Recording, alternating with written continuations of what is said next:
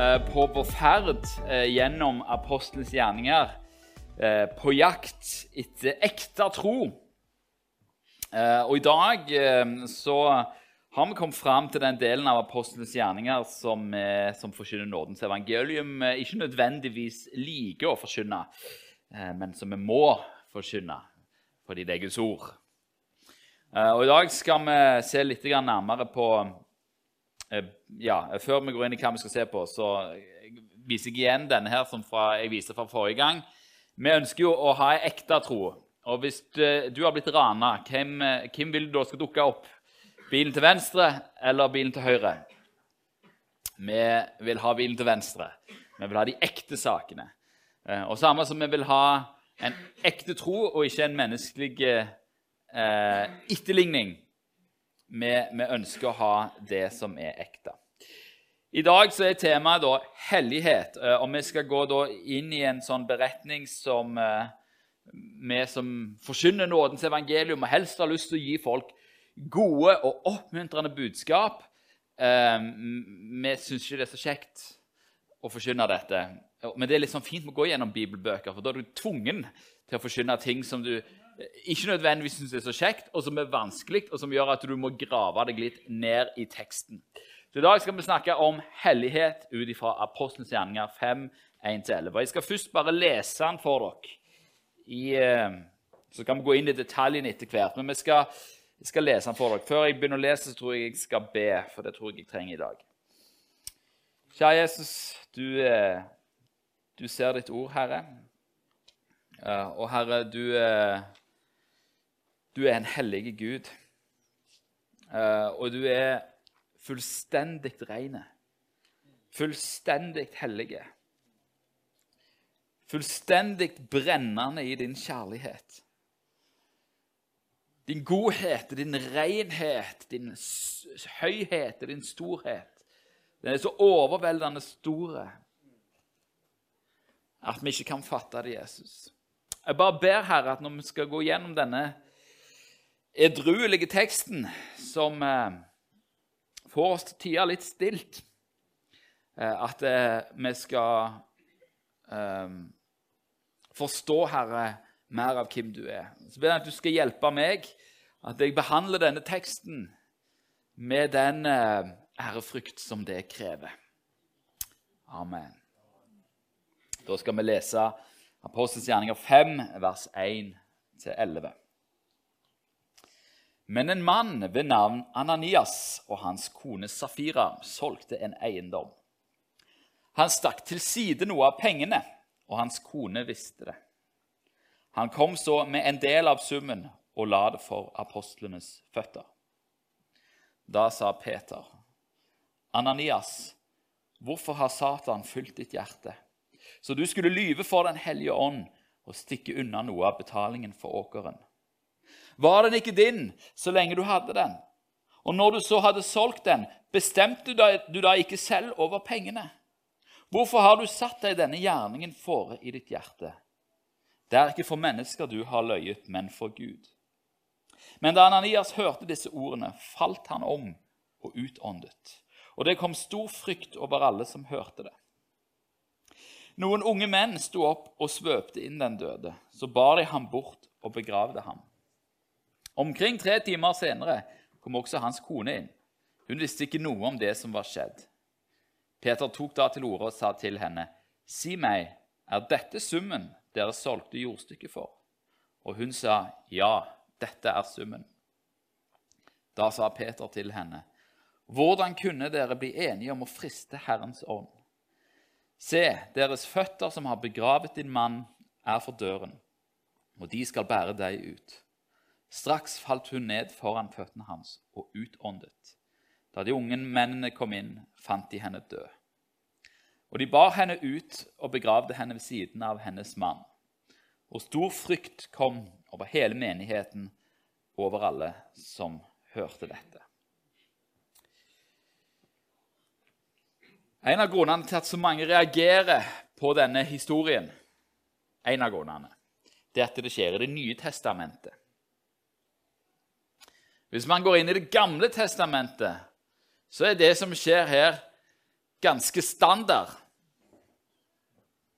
Vi ser det i Mosebøkene gjentatte ganger hvordan Gud um, Eller hvordan mennesker som da ikke tar Guds hellighet på alvor, ender opp med å miste livet. Og så har vi en tendens til å forklare dette med at ja, ja, dette var den gamle pakt. Gud gjør ikke sånt lenger fordi vi er i den nye pakt. Og all vår synd er jo dekka av Jesus Kristus. Vi kan være trygge for Guds vrede. Men her skjer det. I den nye pakt. Min første reaksjon når jeg leser dette, her er yikes. Jeg så ikke den komme. Jeg ble redd. Det var akkurat den samme reaksjonen som de hadde. De ble òg redde.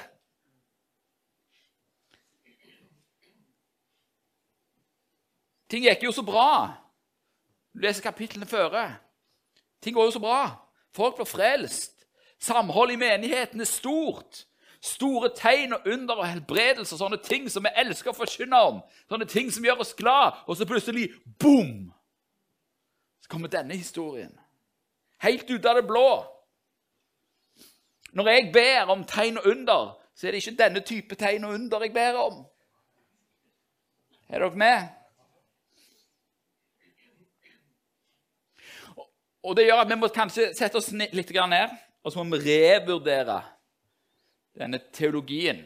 For det er jo en teologi som sier at Gud han er annerledes i Gammeltestamentet enn han er i Det nye testamentet.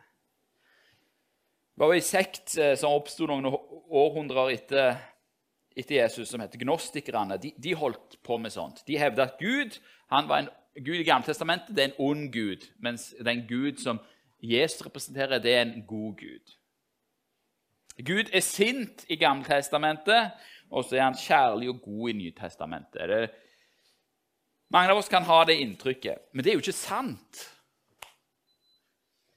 Gud han, er, han endrer seg ikke. Han er i går og i dag, ja, til evig tid den samme. Og det som var sant i Det gamle testamentet, det er òg sant i det nye. Og så er den nye pakt en bedre pakt enn den gamle pakt. Men det betyr ikke at Guds sinnelag har endra seg. Det betyr heller ikke at Guds hellighet har endra seg. Men tilbake da til Ananias og Safira. Det virker jo som om Gud er litt sånn i overkant strenge og nærtagende når deres synd fører til at de mister livet. Jeg har gjort synd som jeg sjøl synes ikke er så langt vekke fra dette. Står jeg i fare for å miste livet? Står jeg i fare for å havne under Guds vrede? Vi må se på hva er den hva er, hva, er, hva er, den alvorlige synden de har gjort? Vi må inn i teksten for å få liksom Hva er det? Hva er det de har gjort? Vi må se nærmere på det for å skjønne hva det går i. Synden. Hva er synden? Og så har jeg skrevet en liten kommentar at det handler om å krenke Guds hellighet. Først så må vi se på hva dette ikke handler om. Ananias og Safira får ikke denne straffen fordi de ikke ga alle pengene de tjente på eiendommen til menigheten. Gud er ikke en mafiaboss som krever, liksom. Han krever, han krever, han krever. 'Å ja, du ga ikke nok. Jeg vil ha alt.' Det var ikke derfor. Hvordan vet jeg det? Jo, for det Peter sier det i Apostelens gjerning 5,4. Var han ikke din så lenge du hadde han? Og når du hadde solgt denne eiendommen, bestemte du da ikke sjøl over pengene? Hvorfor har du satt deg denne gjerningen fore i ditt hjerte? Det er ikke for mennesker du har løyet, men for Gud. Så det er ikke at de holdt tilbake penger. Det er at de løy om det. Det er at de framstilte det som de hadde gitt alt.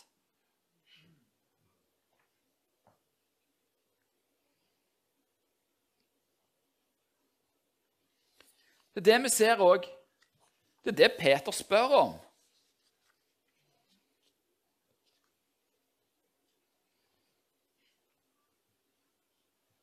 Han spør Safira si meg, er dette summen, summen dere solgte jordstykket for.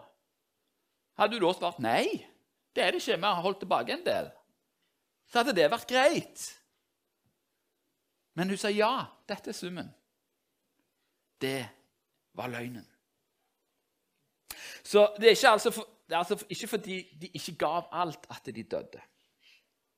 Men fordi at de sa at de hadde gitt alt, når de i virkeligheten ikke hadde gjort det.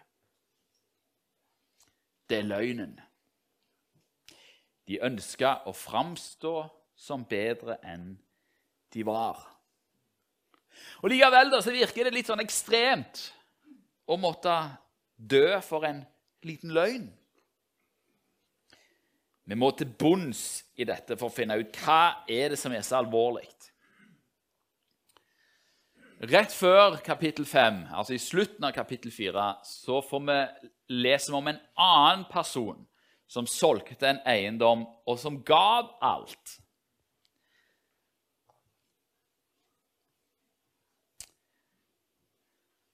Apostelgjerninger 4, 36-37. Josef var en levitt, født på Kypros. Han ble av apostlene kalt Barnabas. Det betyr formaningens sønn. Han eide en åker som han solgte, og han kom med pengene og la de ned for apostlenes føtter. Josef Barnabas han var en rik mann. Og så ga han av sin overflod for å underholde menigheten i Jerusalem. Han hadde hjerte for folket, hjerte for de fattige. Han hadde stor tro, stor overgivelse. Og så får han et, et navn blant apostlene. Josef, levitten, han blir kalt Barnabas, formaningens sønn, oppmuntringens sønn. Han får et navn og en posisjon blant apostlene på grunn av hans tro og hans overgivelse. Han her er en som har, har skjønt frelsesverket i Jesus. Han har skjønt hva Jesus har gjort for ham, og så ønsker han å gi og dele alt det han har, med andre. Veldig bra.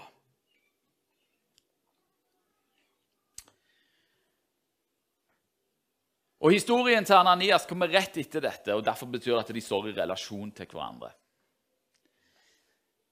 Ananias har sett hva Barnabas har gjort. Han har sett både navnet som Josef Levitten han fikk, han fikk navnet Barnabas. Han har sett posisjonen som Barnabas har fått. Og så har han tenkt Hva må jeg gjøre for å få et navn og en posisjon? Der, der, der har du første feilen. Josef han tenkte på de fattige rundt seg. Det var hans. Det var det han så. Han kom ikke med penger foran apostlene og solgte eiendommen sin for å bli populær eller for å få et navn eller for å få en posisjon. Han så et behov, han hadde midler til å gjøre noe med behovet. Han gav for det. Han hadde en, en rett holdning. Han tenkte ikke på seg sjøl, han tenkte på andre. Men Ananias brydde seg ikke om de andre. Han brydde seg om sin posisjon. Så det er en ærgjerrighet her, en ambisjon om å få et navn. Han ville stige i gradene.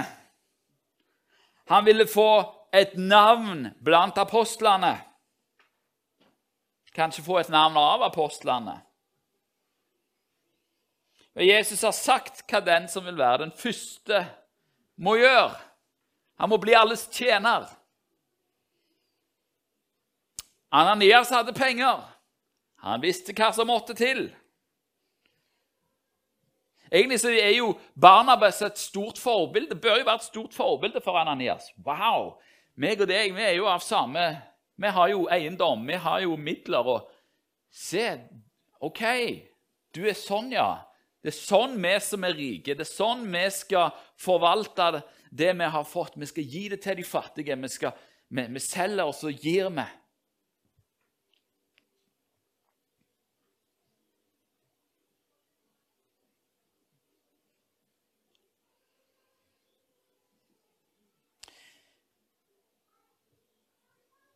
Men av Ananias handlinger så skjønner vi at han ikke ser Barnabas egentlig som et forbilde. Han ser han snarere som en konkurrent. Han ville ha Barnabas sin, sitt navn og posisjon. Han ville ikke ha Barnabas sin overgivelse. Synes det var misunnelse der, kanskje. Hvorfor får Barnabas denne tittelen 'Formaningens sønn'? Og ikke meg. Jeg vil ha en tittel. Jeg vil ha en posisjon. Jeg vil være noe.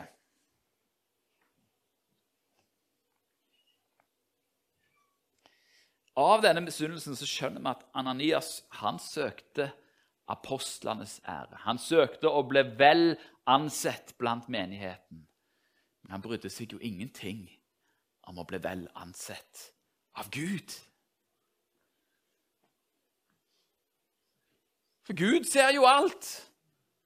Gud kjenner jo alt. Det eneste som var viktig for Ananias, det var hva, hva syns apostlene om meg? Hva syns de andre menighetene om meg? At jeg ser fin og fjong ut. Å, oh, han vet du, er en god mann, har gitt til de fattige. Oh, hvis jeg gir til de fattige, da kommer de fattige til å se på meg. Se på meg. Og se på meg. Meg. Han vil at mennesker skulle synes bra om ham, ikke Gud. Hva er beviset på det, da? Hvordan, hvordan kan jeg her stå og si at han var, var ute etter ærgjerrigheten og ute etter posisjonen? Jo, for jeg ser hva han har gjort. Jeg ser på, på, på jeg ser på, på, på, hjertet, jeg ser på resultatet av det han gjorde både han og kona. De hadde to valg som begge hadde vært godkjent av Gud. De kunne ha gjort som Barnabas, at de solgte eiendommen, og så ga de alt. Eller så kunne de ha sagt det som det var. At eh, ja, vi, vi gir 50 av, av denne eiendommen. Eller vi gir 75 vi, vi, vi, har, vi har noen andre ting som vi trenger å gjøre, eller et eller annet. Det ene hadde jo ført til samme behandling som Barnabas. Hadde de gitt alt, overgitt alt, så, så hadde de jo fått den samme behandlingen som Barnabas. De hadde fått den samme posisjonen òg. Og i det andre tilfellet så hadde de vist hva slags mål av tro de hadde. Og så hadde de fått anerkjennelse etter det. Ja, Det var hakket unna Barnabas i overgivelse. Ja, Barnabas er en veldig bra mann. Vi er ikke fullt så bra som Barnabas. Vi har ikke kommet like langt som Barnabas. Men vi, vi gir i hvert fall noe av det vi har. Og så syns vi Barnabas er et stort forbilde. Vi ønsker å strekke oss etter det. Vi har ikke kommet så langt i vår tro ennå at vi klarer å overgi alt, men vi begynner en plass. Er dere med? Hadde vært helt godkjent. Ja, men så bra. Så bra at dere jobber med dette. Så bra at dere i hvert fall gir noe av den store rikdommen som dere har. Dere begynner en god plass. Kanskje de kunne sagt ja, jeg, jeg sliter med dette her å gi. Syns det er vanskelig å gi fra meg. Jeg har fått så mye, eller tjent så mye. Syns det er vanskelig. Det er en ærlig sak. Er dere med? Men, men vi gir dette. Så hadde de fått takk deretter. Bra fortsette å holde fram i dette med å være giver. Kanskje hadde de sett på hva det førte til å gi, og blitt inspirert til å gi enda mer. Men de ville ha mer enn dette. De ville nyte den anerkjennelsen som Barnabas hadde, men de var ikke villige til å ofre det Barnabas hadde ofra. Så de løy. Og der kommer hykleriet inn. At det viktigste er ikke å gjøre, men å framstå som du gjør.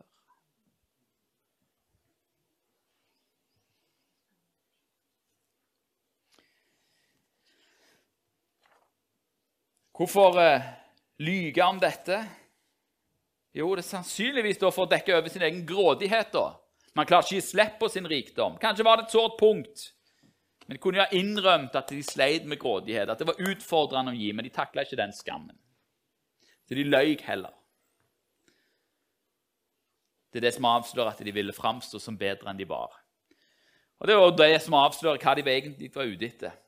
Anerkjennelsen og posisjonen. Hvordan kan vi vite det da, at, det, at det var det de var ute etter? Jo, vi vet at de planla det. Apostelens gjerninger 5, 4c. Hvorfor har du satt deg denne gjerningen fore i ditt hjerte? Hvorfor har du satt deg ned og nøye kalkulert ut dette? Hvorfor har du planlagt å lyge?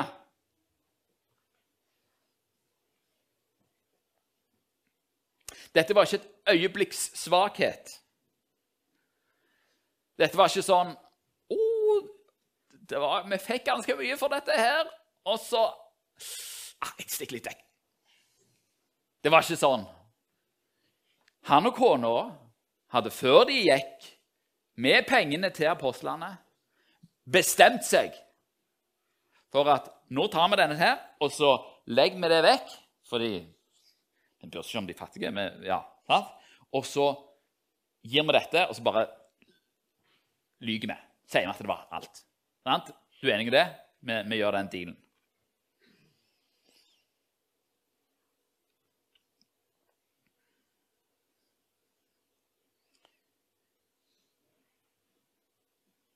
Det er derfor vi, det er derfor vi også på en måte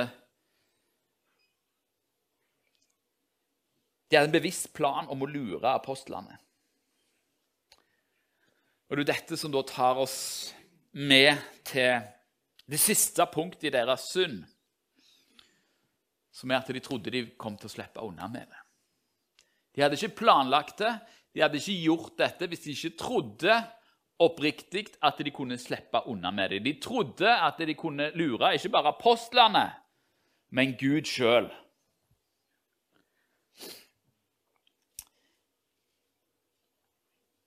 Hvorfor er det en dum ting å tro? Jo, eh, for å illustrere dette så kom jeg på en scene i en av Batman-filmene. Eh, jeg vet ikke om dere har sett Batman, eller vet hvem Batman er, men Batman eh, er jo liksom en, en tegneserie-superhelt. Eh, som da eh, I virkeligheten er han en, en veldig rik eh, milliardær-businessmann eh, på dagen. Og på kvelden så kler han seg ut som en, eh, som en flaggermus, og så banker han kriminelle. Det er liksom det som er hans greie. da. Eh, og så I en av disse filmene så er det da en fyr som heter Coleman Reece, som dere ser til venstre der. Som da er Han er økonom og regnskapsfører eh, for eh, businessen da, til Bruce Wayne, som han da heter. Og han finner da ut egentlig at Bruce Wayne er Batman. Han har skjønt hemmeligheten. Han, han, nå, han sitter nå på innsida av hemmeligheten. Og så kom han da til styreformannen, som han òg vet, uh, vet hvem Batman er. Mannen på høyre der som heter Lucius Fox. Og så sier han jeg, Han eh, viser bevisene for at uh, Bruce Wayne er Batman, og så sier han jeg vil ha ti millioner dollar hvert år resten av mitt liv. Jeg har jeg kjenner nå en hemmelighet. Den har jeg tenkt å utnytte for meg. Og til motsvar, da, så svarer Lucius Fox dette. La meg se om jeg har skjønt dette riktig. Du tror at klienten din, en av de rikeste og mektigste mennene i verden, i all hemmelighet er en maskert borgerverner som tilbringer nettene sine med å slå kriminelle i stykker med bare nevene. Og planen din er å utpresse denne personen. Lykke til! Coleman Reece trodde at han hadde en sak mot en person som da er veldig rik, og som i tillegg springer rundt på netten og banker kriminelle. Har du lyst til å presse ut en sånn en person?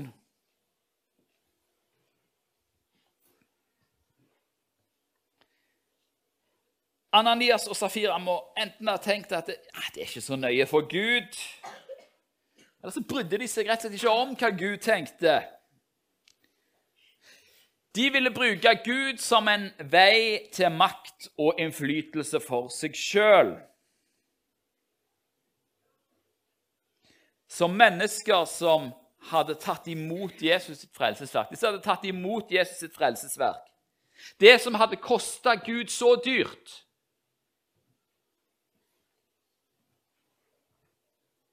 Det som hadde kosta Gud sin egen sønn.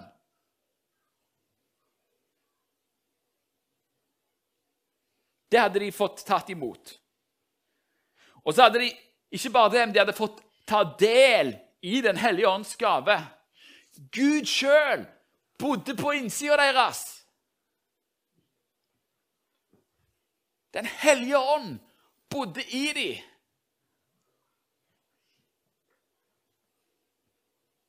det mest verdifulle som fins,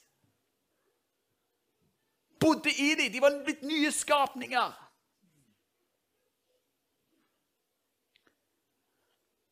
Og istedenfor å tenke Wow! Alt dette har Gud gjort for meg. Alt dette har han gjort for meg. Det var det de burde ha tenkt. Men hva var det de tenkte? De tenkte oh, jeg har fått et godt kort. Jeg har fått del i en stor hemmelighet. Dette kan jeg bruke for å videreføre min karriere. Dette kan jeg utnytte for min egen tilfredsstillelse. Det blir som Coleman Reece som tenker oh, dette kan jeg tjene penger på. Dette kan jeg få anerkjennelse og posisjon på. At jeg kjenner til en liten hemmelighet. Sorry. Du kan ikke utnytte Gud. Det går ikke. Og Hvordan vet vi at det er det det handler om? da? Jo, for det er det Peter sier. Det er ikke for mennesker du har løyet, men for Gud. Og Det er det òg Peter sier til Safira. Hvordan kunne dere bli enige om å lure oss? Nei. Hvordan kunne dere bli enige om å friste Herrens ånd? Hva er synden deres? Jo, synden deres er ikke en liten kvint løgn. Hvis du går helt til bånn, så ser vi at Ananias og Safira de var ærgjerrige, misunnelige, hyklerske, grådige og kalkulerende løgnere som kjente Jesus frelse sitt verk og Den hellige ånds gave, men forakta det. Tenkte at de kunne utnytte det. De pissa på det. De var ulver i fåreklær.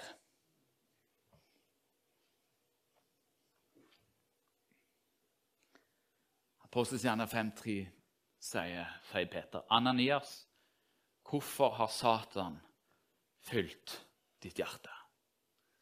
Så du skulle lyge for Den hellige ånd og stikke unna noe av betalingen for åkeren. Dette her er ikke åndens frukt.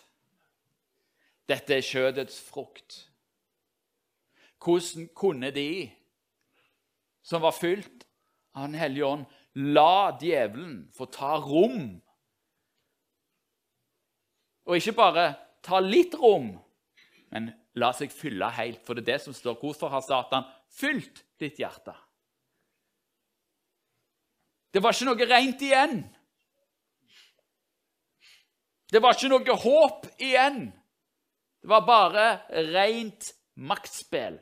Ren, kynisk, utspekulert ærgjerrighet og egoisme.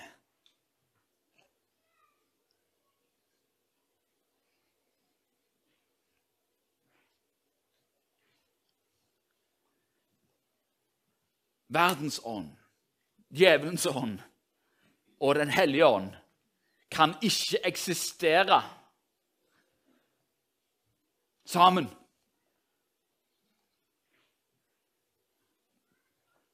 Hvis vi er et tempel for Den hellige ånd, der Gud bor, og så noe ureint kommer inn der og fyller det opp, hva skjer da? Da dør du.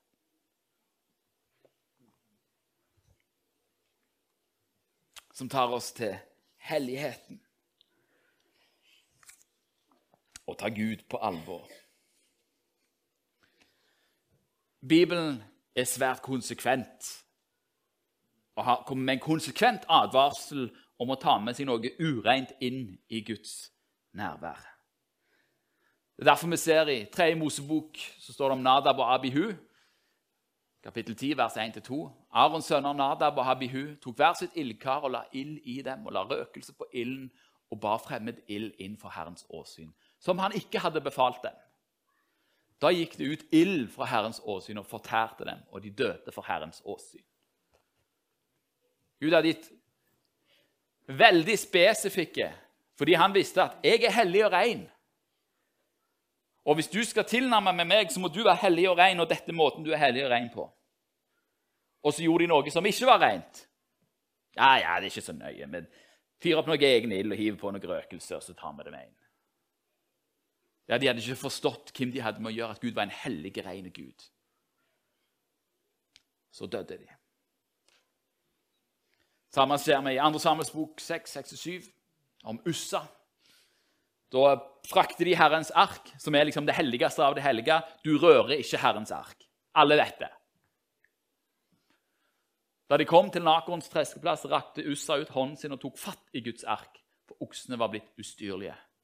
Da ble Herrens vrede opptent mot Ussa. Gud slo ham fordi han handlet overilet, så han døde der ved Guds ark. Guds ark representerte Guds hellighet. Guds nærvær, Guds nærhet. Det var bare folk som var bare ypperstepresten som kunne se Guds ark, og den kunne han bare se én gang i året. Han måtte slakte en okse og vaske seg, og det var ikke måte på ting han måtte gjøre før han kunne komme fram der.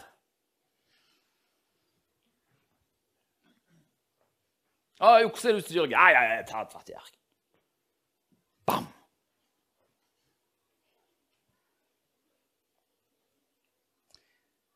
Og Jesus sier det samme i Matteus 12, 31-32. Derfor sier jeg dere, all synd og spott skal menneskene få forlatelse for. Men spott mot ånden skal ikke bli forlatt. Den som taler et ord mot menneskesønnen, skal få forlatelse. Men den som taler mot Den hellige ånd, skal ikke få forlatelse, verken i denne tidsalder eller i den som kommer. Det er det som skjer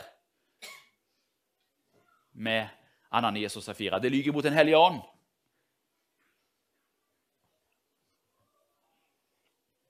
Og Hebreerbrevet, vers 6, 4-8 sier det samme. For de som en gang er blitt opplyst, som har smakt den himmelske gave og fått del i Den hellige ånd, og har smakt Guds gode ord og den kommende verdens krefter Det vil, si at du, du har fått hele fylden. Du har smakt alt, du har kjent alt. Du har kjent Guds hellige ånd. Og så faller fra. De kan umulig igjen fornyes til omvendelse, siden de på nytt korsfester Guds sønn for seg og gjør ham offentlig til spott. For den jorda som drikker regnet som ofte faller på den, og bærer grøde til gagn for dem som den dyrkes for, får, velsignelse fra Gud. Men bærer den torner og tisler, da er han unyttig og forbannelsen nær, og det ender med at han brennes. Johannes 15, 6 sier om noen ikke blir i meg, da kastes han ut som ei grein og visner. Og de samler de sammen og kaster de på ilden, og de brenner.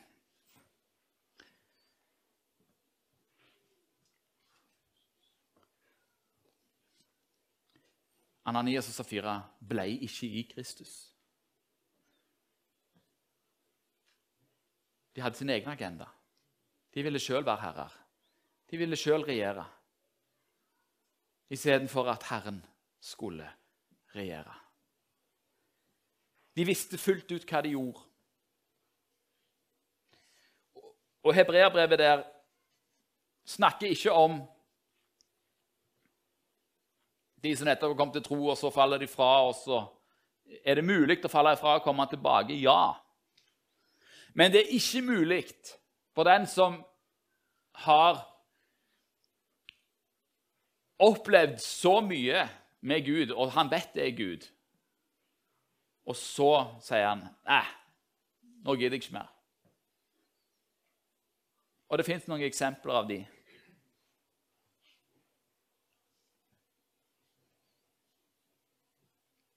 En av grunnene til at dette her er så vanskelig å forkynne,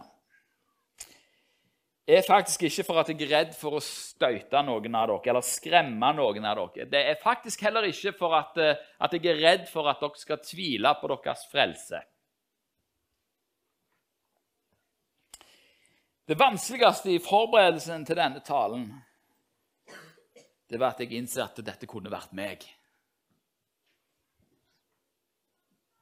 Pynta litt på standheten for å framstå bedre enn jeg er.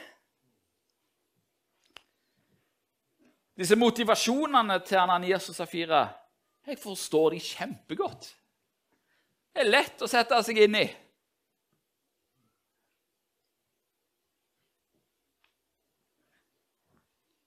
Og det at jeg forstår det kjempegodt, det skremmer livskiten ut av meg. Nå har vi sett at Det er jo ikke bare pynting på sannheten, men det er råttenhet helt inn til hjertet. Så hva gjør jeg da i møte med denne teksten, i møte med fortellingen om en Guds hellighet som er så hellig at hvis noe ureint kommer inn i den helligheten, så dør man? Hva gjorde den første menigheten? Ja, de hadde samme reaksjon som meg. Og stor frykt kom over hele menigheten over alle som hørte dette. Ja.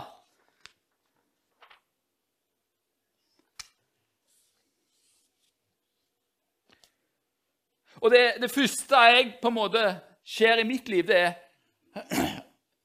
at jeg måtte sette meg litt tilbake. Også. Og dette gjorde jeg på torsdag. Believe me. Gikk litt fram og tilbake. Så, hvor, hvor er jeg hen? Og så ber jeg denne bønnen, da. Salme 139, vers 23-24. Ransak meg, Gud, og kjenn mitt hjerte. Prøv meg og kjenn mine mangfoldige tanker. Jeg kan ha mangfoldige tanker. Se om jeg er på fortapelsens vei, og led meg på evighetens vei. Min første reaksjon i møte med denne beretningen er et sånn eh, Jeg får et indre behov for, for, å gå ned på kne her. Det er nesten så jeg har ikke lyst til å tale resten av talen uten å sitte her.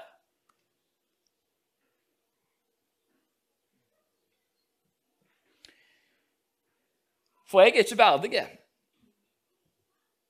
er ikke verdig til å møte Guds hellighet sånn som jeg er. Jeg har ikke sjans. Hvem er jeg? Satt overfor Guds brennende kjærlighet og renhet og hellighet og herlighet. Hvem er jeg? Og ikke bare, ikke bare at jeg kan tilnærme meg, men, hvem er jeg til å formidle Hans ord? Hvem er jeg til å ta Hans ord i min munn? Hvordan kan jeg være i Guds nærhet og leve? Jeg vet at hvis Gud fastholder mine synder, har ikke en sjanse. Da dør jeg. En annen ting som jeg kjenner en sånn Som jeg får sånn inderlig behov for i møte med beretningen om Ananias og Safira, det er å ikke pynte på den jeg er. Det er å ikke formidle til dere eh, eller gi et inntrykk til noen mennesker at jeg er noen annerledes enn den jeg faktisk er. En, og, og så, jeg, jeg, får behov for å bekjenne. Så la meg bekjenne. Jeg har en stor utfordring i forhold til selvbeherskelse. Jeg har altfor lett for å bruke tid på visvas. På ikke holde meg til arbeidsoppgavene, til å vase vekk tid på YouTube og leke istedenfor å jobbe. Eldstebrødrene her vet det, for jeg bekjente det for dem når jeg var pastor her. Så dere kan si at det stemmer. Fremdeles en utfordring. Jeg har ikke lyst til å si til noen andre at jeg er noe annet enn den jeg er. Jeg vil ikke at dere skal tenke av meg at jeg er noe større enn det, dere, enn det jeg er. Jeg vil heller slenge meg i støvet og si jeg fortjener ikke dette. Jeg fortjener ikke Guds nærhet. Jeg fortjener ikke noe av det som jeg står her i. Jeg fortjener ikke å stå her. Derfor er det best å sitte her på kne. Er dere med? Det gode, da, er jo at eh, det er akkurat det samme som Jesaja kjente. Når Jesaja møter Guds hellighet og Guds renhet, så sier han ved meg! Jeg er fortapt, for jeg er en mann med urene lepper. Jeg bor midt iblant et folk med urene lepper, og mine øyne har sett kongen, Herren, herskerens Gud. Det er ute med meg.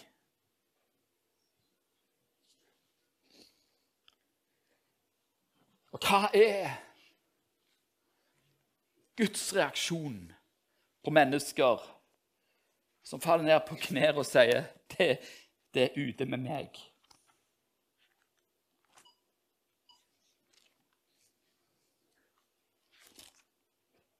Jo, i Jesaja, fortsettelsen på det skal jeg lese i Jesaja.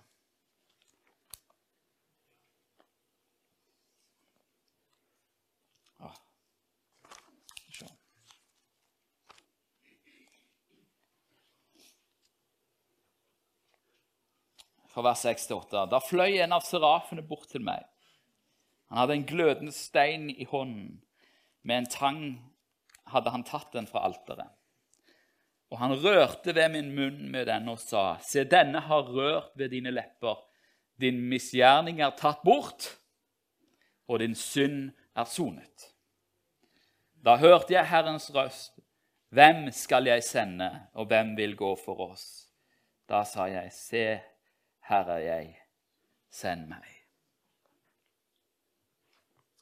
Dette er responsen til alle som møter Guds hellighet på kne, på den rette måten. Som ikke tror om seg sjøl, eller som prøver å overbevise noen andre at de er bedre enn de er.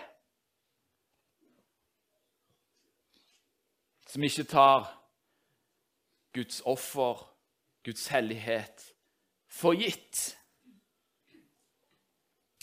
Min bror, han, eh, han eh, skulle opereres i hjernen, og i perioden før det så hadde han en samtale med ei på jobb som også er kristen, og ja, som på en måte skulle ta han, snakke litt om dette her. da.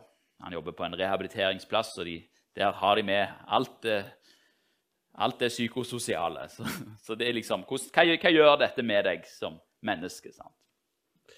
Og Mens vi sitter der og har denne samtalen, så bestemmer Gud seg bare for å gi broren min en liten snarvesitt. Han blir bortrykka i ånden, som det heter. Eh, og kommer fram for Guds åsyn. Og Det han da beskriver, er at eh, lyset var så sterkt at de kunne ikke lufte hodet. Jeg hadde ikke sjans til å lufte hodet. Det var en sånn tyngde av et nærvær der som bare Han kunne nesten ikke snakke, han kunne nesten ikke puste. Så hellig var det. Og veldig tiltrekkende. Han hadde bare lyst til å være der. Han, med det så visste han at jeg, om jeg, jeg, skal operere hjernen, om jeg dør, så det går helt greit. Det, jeg kan bare dra hjem. Unger og kone, alt. Det er bare Og han, ja, han klarte bare å tale i tunger. Det var det eneste han klarte der og da. Han sa jeg har ikke et anfall eller noe sånt nå. Men han klarte ikke å lufte hodet der han satt på stolen sin her på jorda en gang.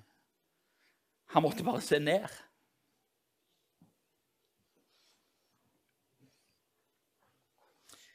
I Åpenbaringen 1, 17-18 så får Johannes se Jesus i all sin herlighet. Og da jeg fikk se ham, falt jeg ned for hans føtter som død. Det er ikke sånn som dette. Det er sånn som dette. Helt ned.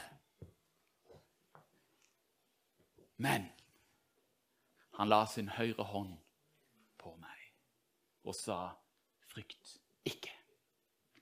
Jeg er den første og den siste og den levende. Jeg var død, og se, jeg er levende i all evighet. Og jeg har nøklene til døden og dødsriket. Hvordan kan vi være i Guds hellighet og leve? Fordi Jesus han har dødd på korset. Han har dødd på korset for meg og deg. Han har gitt sitt liv for deg, sånn at du faktisk kan være i hans hellighet og leve. Men ikke tro at du kan utnytte Gud. Ikke tro at du kan bruke Gud for dine egne formål og slippe unna med det. Ja, kanskje dør du ikke her og da, men det kommer en dom. Og Det er det jeg er livredd for. Jeg forkynner jo til og med. Det står 'den som mye gitt, mye skal mye kreves'.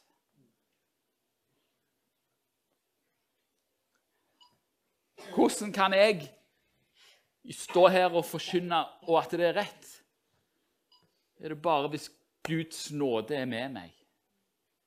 Men jeg vet da, ok, hvis jeg har den holdningen at ok, det er bare du, Jesus. Jeg går på kne foran deg.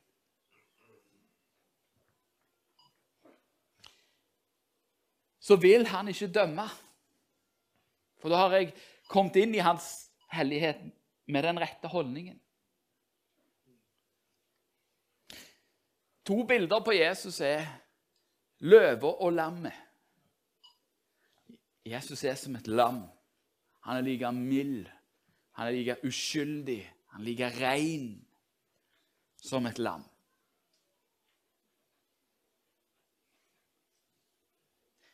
Men så er han òg løve. Og når det kommer ei løve inn i rommet, da bøyer du hodet. Det er ikke noe du Ei løve behandler du med respekt.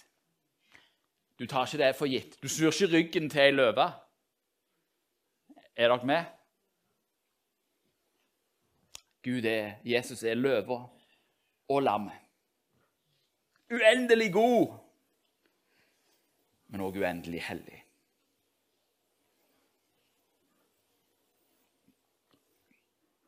Og hvis du tenker ja, ja, men jeg er jo mye verre enn Ananias og Safira og ja. ja, Hvis du tenker det at du er mye verre enn Ananias og Safira, ja, da er du ikke det. Da er du ikke det. Hvis du kjenner at jeg blir litt redd i møte med dette, ja, så bra, da. Da har du jo den rette respekten. Hvis du tenker det der er bare piss, bare tull og vas ja, da bør du være redd. Men den som er redd, han trenger ikke være redd. Er dere med? Mm. Skal avslutte der. Kjære Jesus Du vet at jeg ikke fortjener å forstå her. Du vet at jeg ikke fortjener alt det du har gitt meg. Jeg fortjener ikke din nåde. Jeg fortjener ikke din hellighet og får lov til å være en del i din hellighet. Du ser mine feil og mangler og tilkortkommenheter. Men jeg vil ikke at uh, Satan skal fylle mitt hjerte. Jeg vil at du skal fylle mitt hjerte. Jeg ønsker å bli i deg. Og du ser alle mine brødre og søstre. Så kanskje òg gjennom denne beretningen blir litt rysta inn i sjelen. Ja, nei, vi kan ikke ta lett på våre synder. Vi kan ikke ta lett på våre feil og mangler. Vi kan ikke ta lett på noe av dette, for det har kosta deg så dyrt. Så ber jeg her at vi skal få lov til å være ærlige og si ja, ok, sånn er det å komme på kne foran deg. For at du kan vise din nåde mot oss. Det er ikke det at du ønsker å ha oss på kne i utgangspunktet. Nei, du ønsker å reise oss opp.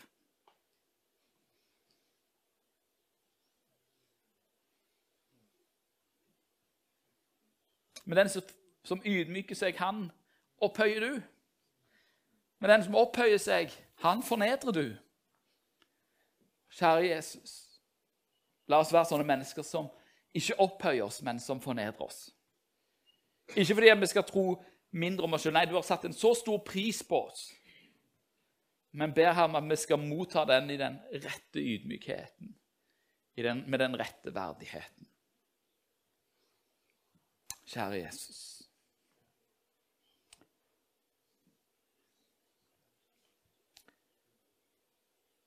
Hei, Jesus. Bare ber om at du er her nå. Og Hellige Ånd ber om at du kommer nå, så rører du med hjertene. For jeg vet, Herre, at uh, du ville ikke at det, dette budskapet skulle bli levert for at mennesker skulle gå hjem og frykta for sine liv, men for at uh, For at de skulle få kjenne at du faktisk elsker dem og ønsker å røre ved dem. Men du vil heller ikke at de skal gå fortapt. Og du vil heller ikke at de skal ta lett på sine feil og mangler.